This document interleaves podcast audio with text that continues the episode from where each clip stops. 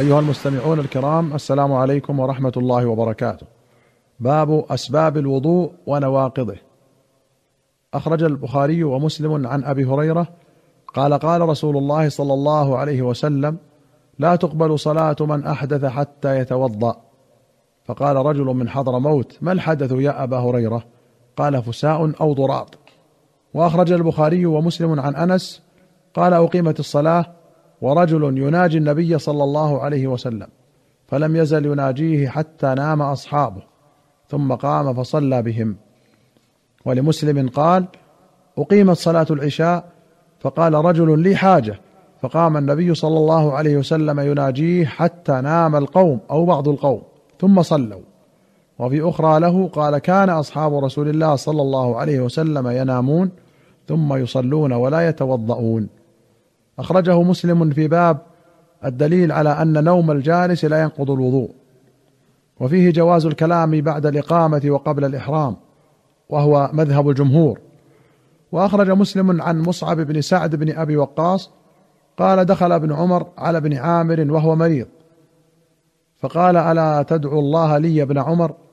قال سمعت رسول الله صلى الله عليه وسلم يقول لا يقبل الله صلاة بغير طهور ولا صدقة من غلول. وقد كنت على البصرة. قوله كنت على البصرة أي كنت واليا عليها. فلا تسلم من التبعات ولا يقبل الدعاء لمن كان كذلك. والظاهر أن ابن عمر أراد حثه على التوبة والإقلاع عن المخالفات وإلا فالدعاء للعصاة والفساق والكفار جائز بالاتفاق.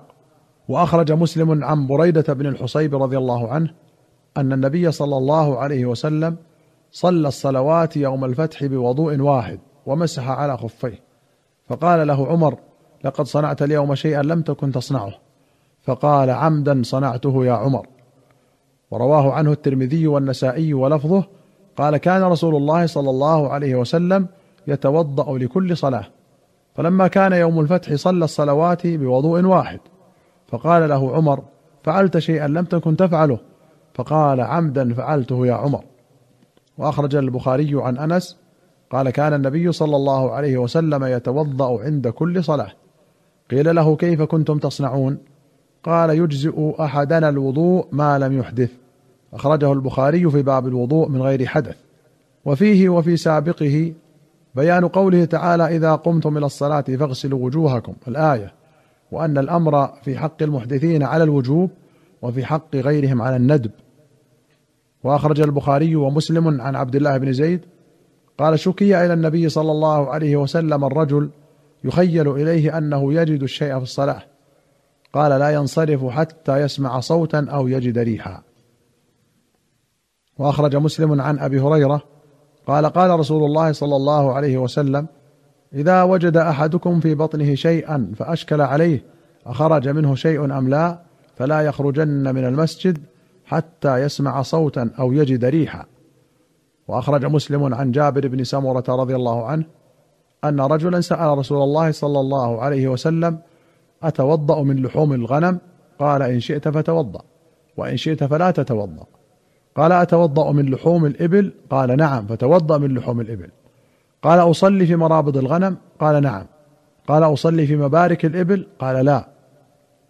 وأخرج مالك وأحمد وابن ماجة وأبو داود والترمذي والنسائي وابن خزيمة وابن حبان بسند صحيح عن بسرة بنت صفوان رضي الله عنها أن النبي صلى الله عليه وسلم قال من مس ذكره فلا يصلي حتى يتوضأ. الجمهور على وجوب الوضوء من مس الذكر وإليه ذهب الشافعي وأحمد وطائفة لا يرون مسه ناقضا وإليه ذهب أبو حنيفة وذهب مالك إلى أن الوضوء من مسه مستحب لا واجب.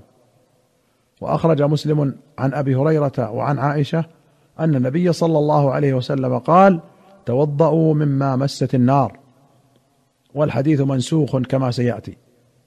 وأخرج البخاري ومسلم عن عمرو بن أمية رضي الله عنه أنه رأى رسول الله صلى الله عليه وسلم يحتز من كتف شاة في يده فدعي إلى الصلاة فألقى السكين التي يحتز بها ثم قام فصلى ولم يتوضأ.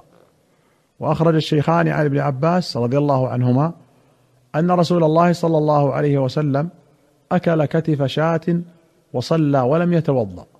وللبخاري أنه انتشل عرقا من قدر. وفي أخرى له تعرق النبي صلى الله عليه وسلم كتفا. ولمسلم أنه أكل عرقا أو لحما ثم صلى ولم يتوضأ ولم يمس سماء العرق العظم إذا أخذ عنه معظم اللحم وجمعه عراق ويقال عرق العظم واعترقه وتعرقه أي أخذ عنه اللحم بأسنانه. وأخرج مسلم عن أبي رافع رضي الله عنه قال أشهد لقد كنت أشوي لرسول الله صلى الله عليه وسلم بطن شاة ثم صلى ولم يتوضأ. وأخرج البخاري عن سويد بن النعمان قال خرجنا مع النبي صلى الله عليه وسلم عام خيبر حتى إذا كنا بالصهباء وهي من أدنى خيبر صلى رسول الله صلى الله عليه وسلم العصر. فلما صلى دعا بالأطعمة فلم يؤت إلا بالسويق. فأمر به فثري وأكل وأكلنا منه. ثم قام النبي صلى الله عليه وسلم إلى المغرب فمضمض ومضمضنا ثم صلى ولم يتوضأ. السويق هو القمح أو الشعير المقلي بالمقلاة ثم يطحن. وقوله ذري أي بل بالماء ليكون لينا. وأخرج البخاري ومسلم عن علي رضي الله عنه قال كنت رجلا مذاء فاستحييت أن أسأل رسول الله صلى الله عليه وسلم لمكان ابنته فأمرت المقداد بن الأسود فسأله فقال يغسل ذكره ويتوضأ. باب المسح على الخفين.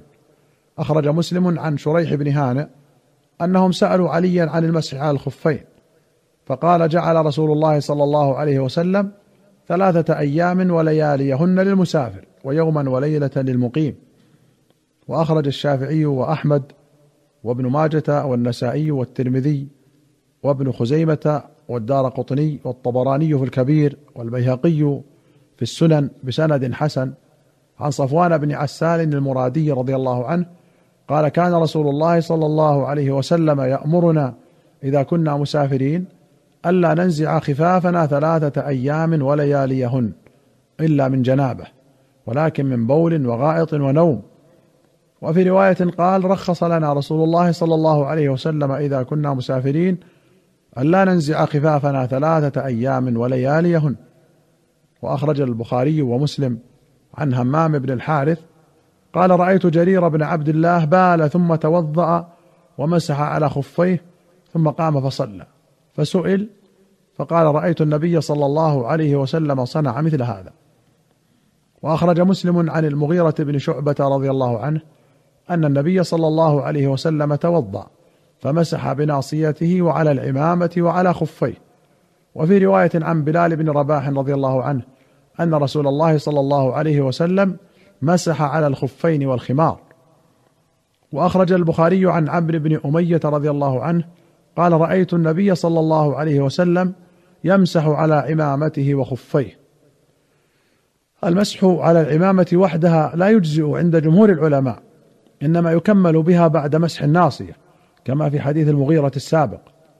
ومن أجاز الاكتفاء بمسحها شرط أن يكون نزعها شاقا كنزع الخفين وذلك بأن تكون محنكة.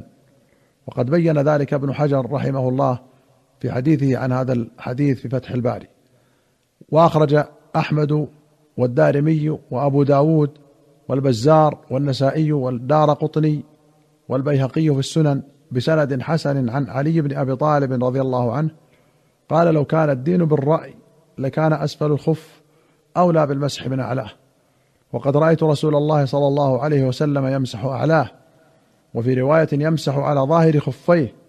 وفي أخرى قال كنت أرى أن باطن القدمين أحق بالمسح من ظاهرهما حتى رأيت رسول الله صلى الله عليه وسلم يمسح ظاهرهما. أيها الإخوة المستمعون إلى هنا نأتي إلى نهاية هذه الحلقة. حتى نلقاكم في حلقة قادمة إن شاء الله. نستودعكم الله والسلام عليكم ورحمة الله وبركاته.